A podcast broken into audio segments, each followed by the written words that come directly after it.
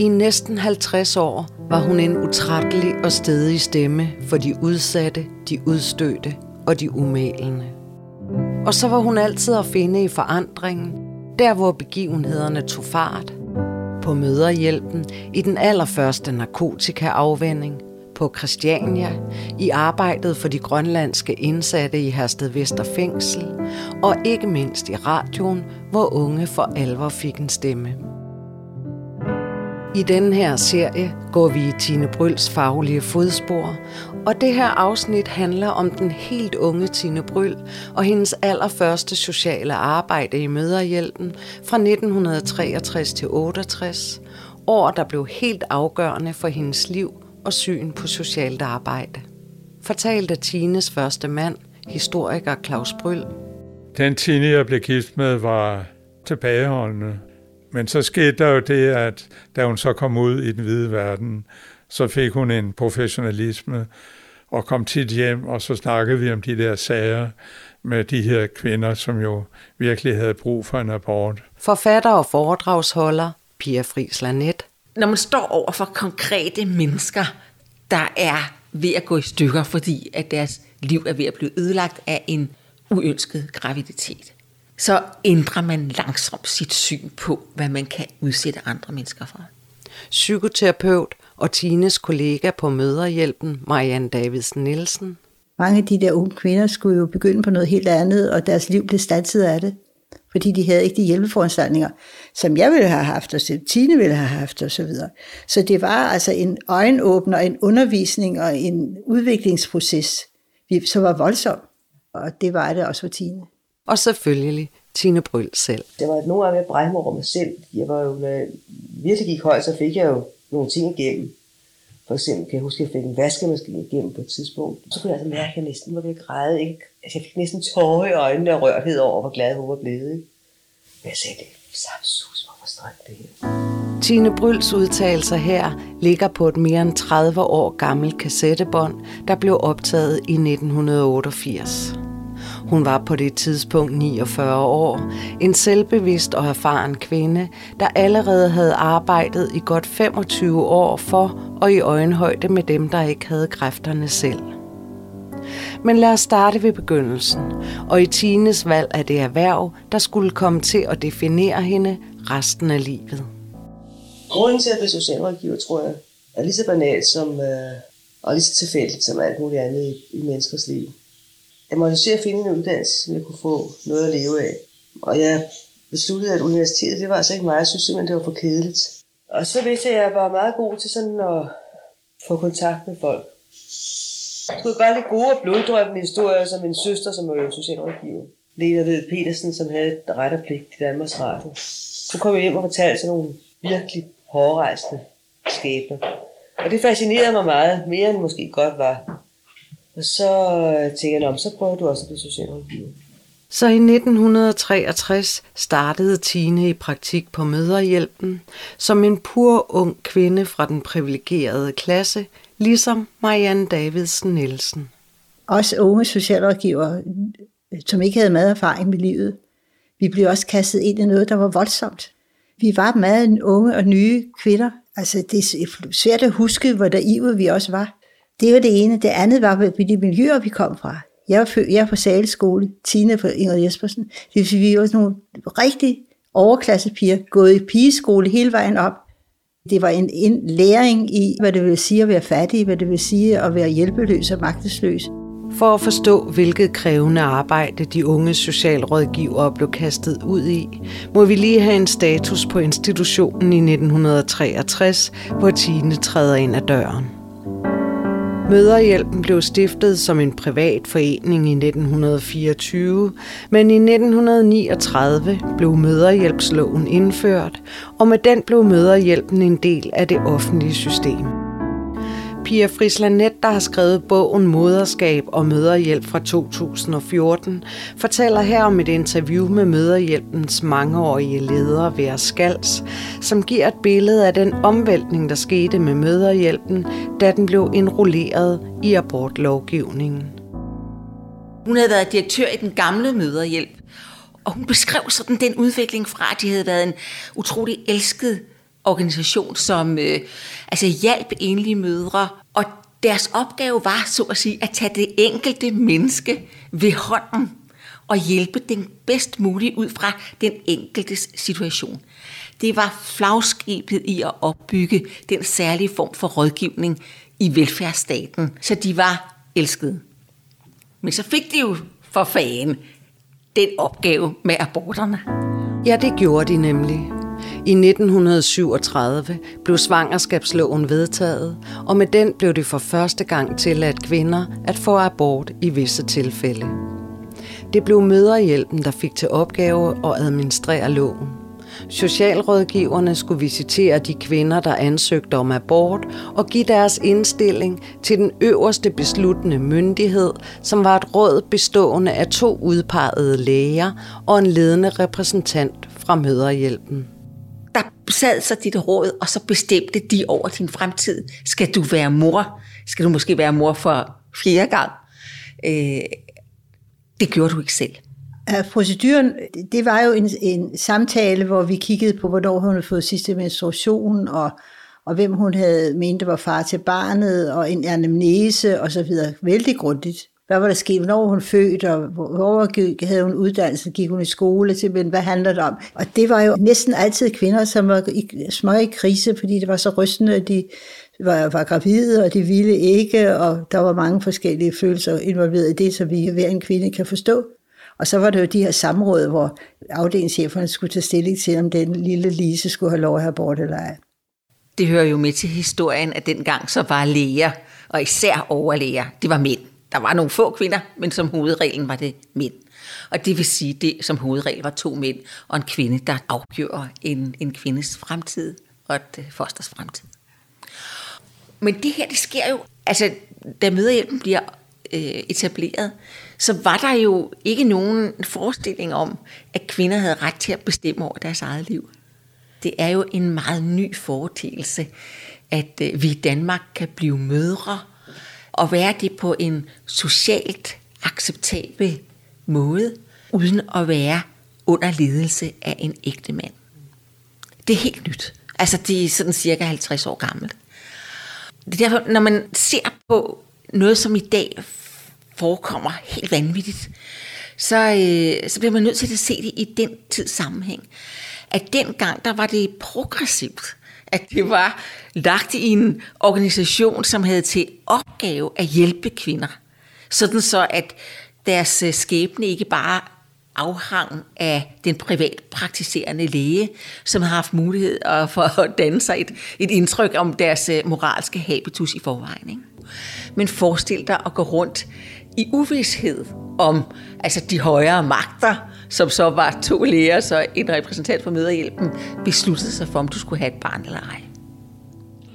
I 1963 kunne man kun få bevilget abort ved fare for alvorlige nedarvede sygdomme, i tilfælde af voldtægt, hvis der var fare for kvindens helbred, eller hvis hun havde en alvorlig lidelse, der gjorde hende uegnet til at tage vare på sit barn. Vi kan ikke spørge Tine, hvordan hun som helt ung oplevede at skulle administrere andre kvinders liv på den måde. Men måske få en fornemmelse af det ved at spørge hendes kollega fra dengang, Marianne Davidsen Nielsen. Ved du hvad, det, det var jo sat i system. Det var bare sådan, det var. Altså, vi var bare en del af systemet. Vi satte ikke spørgsmål. Vi havde mere end nok at holde på hat og handsker og finde ud af, hvordan vi skulle klare det. Jeg tog ikke stilling til, at møderhjælpen havde sagt ja til at være den form for retsinstans, bølget møderhjælpen blev dengang. Og det, øh, det tror jeg, at de færreste af os tog stilling til, fordi sådan var det, sådan var loven, og der var ingen vej udenom. Og, og vi var jo vi var jo ikke 68 år, vel? Vi, var jo, vi kom fra en helt anden generation, hvor man var vant til at rette meget mere ind. Ja, Tine Bryl og Marianne Davidsen Nielsen var meget unge, og fra generationen før ungdomsoprøret. Og der gik højst sandsynligt også en rumtid før Tine begyndte at tage stilling til den besynderlige dobbeltrolle, de unge socialrådgivere sad i. For den enkelte socialrådgiver, der har det jo været et paradoks, at først så skulle man indsamle fagligt øh, objektive oplysninger om denne kvinde. Og når hun så fik et afslag, så skulle man så hjælpe hende over den krise, at hun øh, altså lige pludselig skulle have et barn, hun ikke ønskede. Og hvad man så kunne stille op med det. Der sørgede man jo for, at man altså, at have løbende kontakt med de kvinder, men også med henblik på at hjælpe dem bagefter, som havde brug for psykisk støtte under graviditeten, og som så sidenhen også kunne få noget uddannelseshjælp, hvis de var enige og virkelig havde brug for det. Det kan vi jo se, at det er en fuldstændig urimelig underkastelse under magten. Man skal simpelthen underkaste sig, for så dog at få det bedste ud af situationen. Bødlen bliver man nødt til at, ligesom sådan, at gøre, hvad der bliver sagt, for så at få den uddannelse, eller få det børnetøj, og få den hjælp, man behøver. Det har altså givet nogle mærkelige psykologiske spændinger. Det var også der skulle orientere om, om udfaldet, ikke? fordi det var også der havde primærkontakten. Det var jo rystende indimellem. Ikke? De der unge piger, hvis de var 17, 17 år og, og i gang med en uddannelse eller sådan noget, så var der afslag. De var jo sunde og stærke, også hvis de var 16. Sunde og stærke. Og det var katastrofe simpelthen at få et barn på et tidspunkt. Det var, jeg følte det helvede til simpelthen. Det, det var jo et utroligt ambivalent foretagende at, at have kontakt med de kvinder. Fordi et eller andet sted bliver de fleste rystede over at skulle have været bødler. Ikke? I bagspejlet var det jo en kompliceret affære at, at forholde sig til de der abortansøgninger. Så efterhånden som Marianne Davidsen Nielsen, Tine Bryl og de andre unge socialrådgivere blev mere erfarne og bevidste, begyndte deres indsats på de små kontorer at ændre karakter. Den sociale indikation, der var blevet tilføjet i svangerskabsloven i 1956, så man også kunne få abort, hvis man på grund af alvorlig lidelse, som det hed, blev anset for at være uegnet til at tage vare på et barn, var især den, der kunne modelleres og bøjes af den enkelte socialrådgiver. Mange af de yngre socialrådgiver på Møderhjælpen, de har så beskrevet, hvordan de så hjalp kvinderne til at optræde på en måde, sådan så det vil lette deres mulighed for at få øh, bevilget en abort. Kvinder har jo stolthed, hvis deres identitet er husmor, så man skulle ikke komme hjem til dem om eftermiddagen, så havde de noget at lave te og rydde alting op, og alting var i orden. Nej, man skulle gå hjem til dem klokken 7 om morgenen, og alt var i kaos, og børnene skulle ud i skole, og manden skulle lige fodre sig, inden han gik afsted, og hun stod i nattøj. Sådan, så man kunne skrive i sin rapport, at der var kaos og grædende børn i familien og småskænderier. Og det er jo sådan en... Øh, Altså en måde ikke at lyve, men bare vide, at øh, hvordan man kan hjælpe folk. Altså jeg var ret subjektiv. Og det vil sige, at hun skulle tales ned i stedet for at tales op. Ikke? Hun skulle ikke være så begavet, som hun var. Hun skulle være i større krise, end hun var.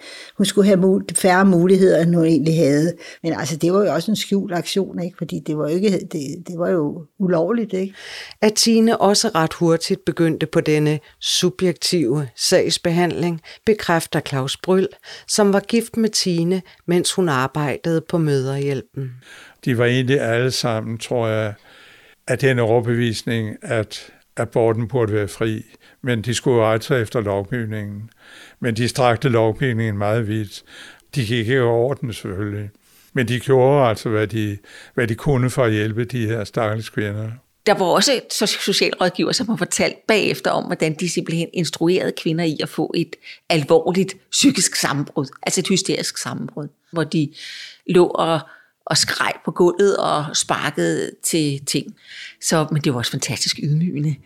Og der skal man virkelig være bandsat på, at, øh, at man vil have den rapport, og man vil ydmyge sig helt derud, hvor man fikker et, øh, et psykisk sammenbrud. Ikke? Tine var i praktik i Møderhjælpen i et halvt år i 1963. Hun tog derefter tilbage til den sociale højskole for at gøre sin uddannelse færdig, og i august 1965 kom hun tilbage til Møderhjælpen. Nu som færdiguddannet socialrådgiver og en helt anderledes modenhed, politisk bevidsthed og en klar stillingtagen til sin egen rolle som sagsbehandler. Jeg havde også en helvedes ballade med uddeling af julehjælp møderhjælpen. Fordi der i en seddel, der lå ved julehjælpen, stod, at man skulle at man her fik klienten så øh, flæskesteg flæskesteg, kaffe og rødkål. Og en nyslået to kroner stod så til sidst. Jeg sagde, jeg gør det ikke. Jeg giver simpelthen ikke sådan en jule. I forhold, synes, det er frygtelig ydmygende, at folk skal op og hente en julepakke Men det ville jo være mere nærliggende at stikke dem det beløb, som der var for at sige. Nu køber I jeres egen julehistorie, ikke færdig arbejde, tjek ud, siger jer. Og det er da det, åh, hvad er det? At være hende, der gav. Så den mere modne Tine Bryl begyndte at tage sine kampe inden for murene på møderhjælpen i forhold til jobbet i almindelighed og i spørgsmålet om abort i særdeleshed. Og hun begyndte også at se sig om efter steder uden for institutionen, hvor hun kunne gøre et arbejde. Og derfor var hun med til at starte de unges rådgivning, der blev oprettet af Dansk Kvindesamfunds Ungdomskreds. De oprettede en rådgivning, som øh, rådgav kvinder i, hvordan skal jeg opføre mig? Altså, hvad skal jeg sige? Hvad skal jeg gøre? Hvordan skal jeg opføre mig, for at der er størst chancer for, at jeg får en abort? Jeg sagde, at hvis I skal have abort, så kræver det, at I til psykiateren siger sådan og sådan og sådan. Ikke? Altså vejledning i det systemet ønsker at få at vide. Jeg var også op til overhaling et par gange hos direktøren ved Skals, og jeg blev belært om at holde tingene adskilt. Det var ikke bare ledelsen på Møderhjælpen, der var utilfreds med arbejdet i de unges rådgivning. Også Dansk Kvindesamfund, som ungdomsrådgivningen var etableret under, syntes, at de unge kvinder var alt for langt fremme i sko og tankegang. Det er klart, at det gav en masse bryderier i forhold til modorganisation, og ud af det, der brød så en ny organisation, øh, individ og samfund. Man løsrev sig fra Dansk Kvindesamfund, fordi man synes det var for konservativt, altså det var for traditionelt. Og jeg var også medlem. Det var både øh, mænd og kvinder, og der var Tine Bryl med, og de gik i gang med det samme stykke arbejde. Plus de arrangerede øh, abortrejser til England. Skal jeg jo vejlede til de unge, som fik afslag, hvor de kunne gå hen og få sendt til Polen, hvis de kunne skaffe 2.000 kroner. Det var skide mange penge, men det krævede, det kostede det altså. Ikke? Og øh, så lige pludselig så var det bare et spørgsmål om, om penge. Og det var selvfølgelig fantastisk provokerende, at, øh, at der var nogen, der bare kunne tage afsted, hvis de havde penge nok. Det føltes som simpel uretfærdighed, ikke? Øh, jeg ved ikke, hvor mange det blev til. Altså, det var jo mest egentlig det, at der kom til at stå i aviserne, at denne her forening nu organiserede de her rejser, for at kvinder kunne få abort, fordi det kunne de ikke få herhjemme. Altså, det var sådan et tryk øh, fra civilsamfundet på det politiske niveau. Det var selve provokationen. Altså, at de brugte det som et PR, et marketingskampagne, at vi kan gøre det her, hvis I ikke laver loven om. Og, øh, og det lykkedes jo sådan set også, ikke? Fordi altså op gennem 60'erne steg presset på politikerne. Og det var meget betydningsfuldt, fordi at, øh, at mentaliteten ændrede sig. Så arbejdet i de unges rådgivning og individers samfund skubbede til en udvikling, der gik i gang flere steder og på mange niveauer i den sidste halvdel af 60'erne. For det var her, der for alvor kom skrevet debatten om kvindernes ret til at bestemme over deres egne kroppe. Og her var det vigtigste argument altså det, som blandt andre menneskene i de to foreninger provokerede frem, at det var pengene, der afgjorde, om man kunne få en forsvarlig illegal abort. Når man kom fra min baggrund, der, jeg havde slet ikke overvejet, jeg havde slet ikke tænkt på. Altså det var først, når man sidder øh, med den problemstilling, foran sig, at man følelsesmæssigt tager stilling til det. En erkendelse af, at det også var et klasseproblem, at nogle kvinder kunne, finde, kunne betale sig fra at få en okay abort i, der, der, hvor det var i udbud, og andre kvinder havde ikke den mulighed. Ja, pigerne og kvinderne fra de bedre stillede klasser skulle nok finde frem til de forsvarlige aborter. Det vidste Tine alt om, for hun havde haft problemstillingen meget tæt på kroppen nogle år tidligere. Det var i øh, 1960, altså december 1960. Vi lærte hinanden at kende i oktober, ikke? og så blev hun gravid i december. Det var jo heller ikke godt. Det var også min skyld. Ikke kun, men også min skyld. Og så fik hun aborten i januar 61. Men selvom Tine var ud af en velstillet og også progressiv familie, var det nu ikke bare en formsag at få stoppet en uønsket graviditet. Og så havde min far jo læst, og håbet, at han kunne lave en illegal abort på mig. Men det ville han ikke, fordi han var jo også religiøs. Og så var det altså ulovligt. Det, I, det kan I slet ikke forestille jer, hvordan der var hets mod. Der var et par læger, der gjorde det, blandt andet en af dem, som jeg så endelig faldt frem til kom i spjældet for at lave illegale aborter. Der var hets i aviserne, og øh, det var simpelthen mor. Altså jeg kan huske, at jeg kørte hende derhen. Jeg skal ikke sige lægens navn, men det var jo sådan set den gode læge. Ikke? Altså, altså de, de der læger, der foretog det, de riskerede jo deres eget ry og renommé. Så masser af dem, jeg kendte, rendte, rendte jo til folk med strikke og fik strikben stået op. Og det ville jeg, jeg var parat til det også. Jeg ville simpelthen ikke have det børn. Og jeg spurgte også, min, jeg spurgte også, prøvede også min pres min far til at, at ringe til Tejl Kjær, som han kendte, den overlæg så Josef, og han sagde, at det ville han ikke. Men han sagde, at hvis jeg var begyndt at bløde, så kunne jeg jo komme ind og sige, at der var abort i gang. Og det han så sagde indirekte, det var, at hvis du går op og får præget hul på lortet, så kan du komme herind og få skrabet ud. Ikke? Det dømmer altså baske Og så blev hun så kort efter, to dage efter, tror jeg, indlagt på St. Jules Hospital, hvor overlægen Tejt Kern, han vidste, hvad der var foregået. Det var jo stræt almindeligt i virkeligheden. Ja, denne modus vivendi, som Tine betegnede som dobbeltmoral, så det basker, var helt normal i 1961.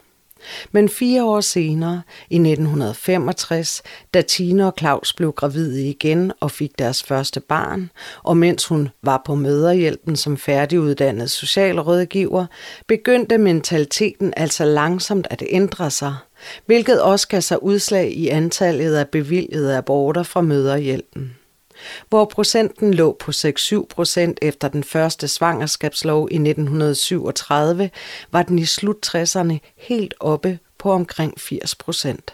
Møderhjælpen ændrede sig sådan set ikke i deres grundige arbejde, men de mennesker, der sad og besluttede, blev selvfølgelig de blev påvirket af den ændrede mentalitet i samfundet.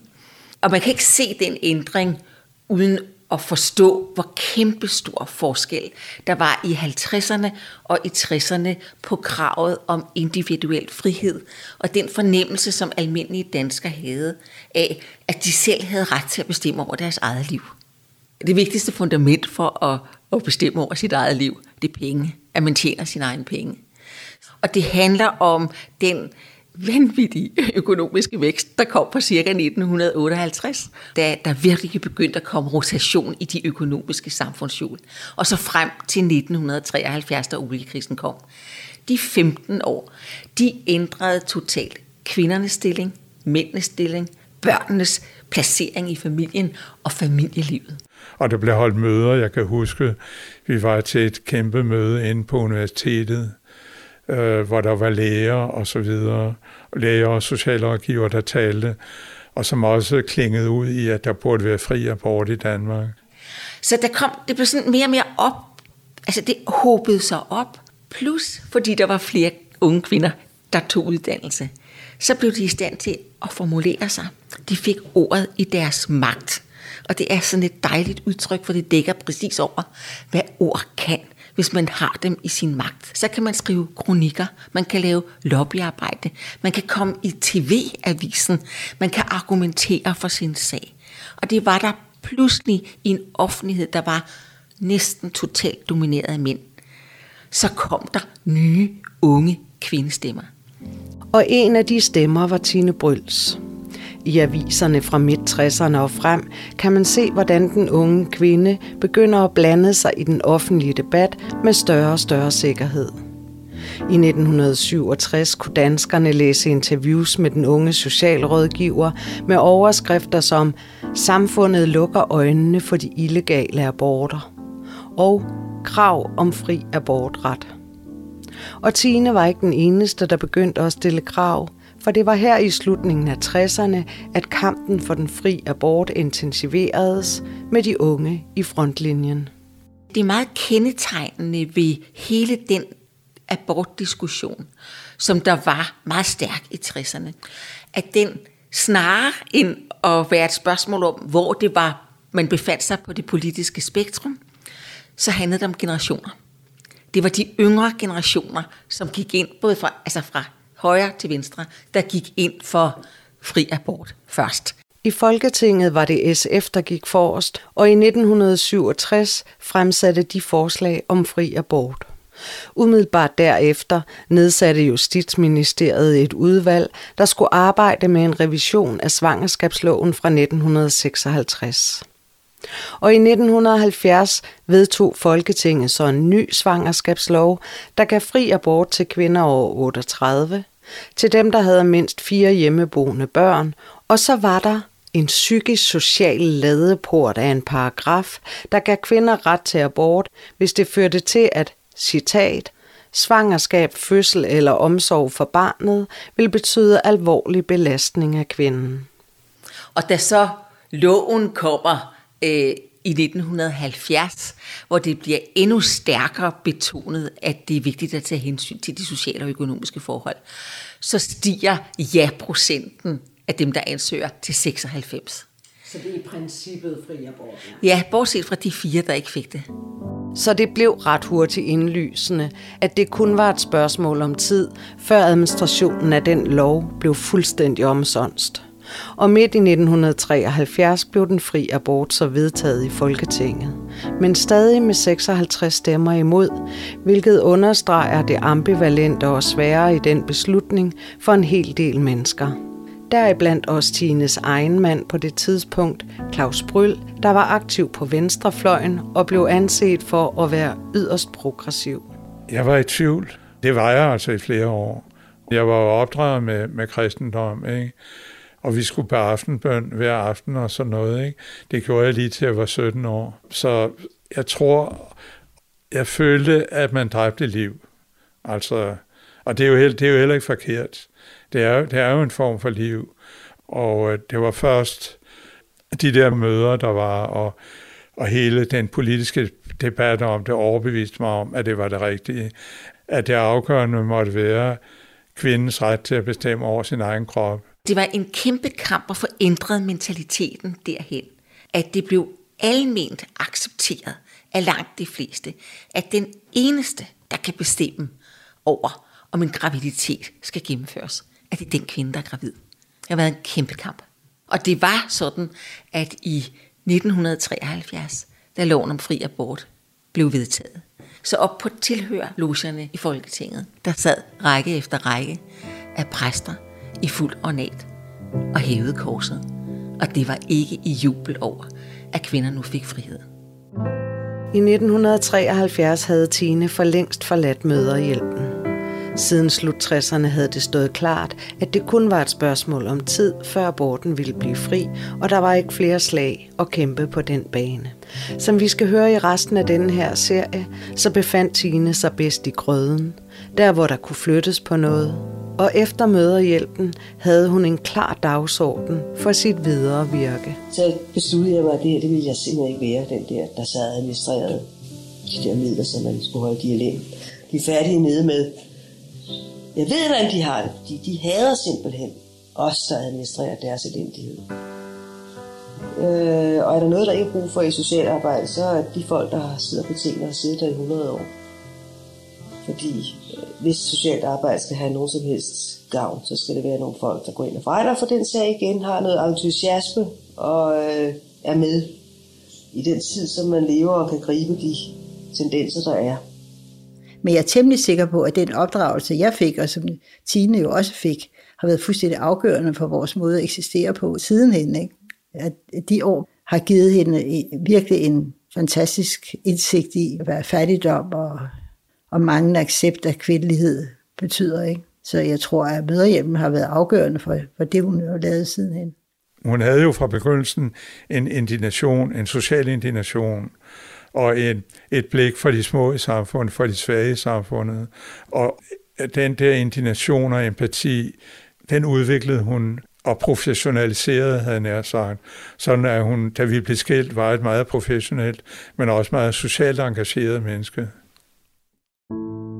Denne podcast er blevet til i samarbejde med Foreningen for uddeling af Tine Bryl-prisen og Trykfonden, som sammen hvert år uddeler Tine Bryl-prisen for at hedre en forening eller organisation, som gør en særlig indsats på det sociale område.